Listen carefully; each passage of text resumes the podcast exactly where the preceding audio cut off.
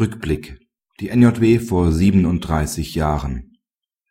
Nach Wikipedia versteht man unter dem Umweltrecht die Gesamtheit der Rechtsnormen, die Schutz der natürlichen Umwelt und die Erhaltung der Funktionsfähigkeit der Ökosysteme bezwecken. Schutz vor Verseuchung des Grundwassers.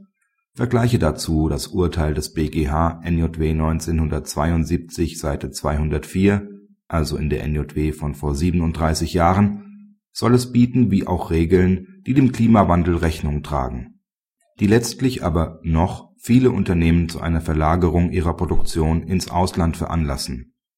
Belange des Naturschutzes beim Ausbau eines Flughafens stehen ebenso auf der Agenda wie der Schutz vor Elektrosmog, der nach Meinung Schöndorffs in Deutschland noch ausbaufähig ist. Das Umweltrecht umfasst noch vieles mehr. Dies begründet sicherlich auch die Schwierigkeiten des Gesetzgebers, noch in dieser Legislaturperiode ein einheitliches Umweltgesetzbuch zu schaffen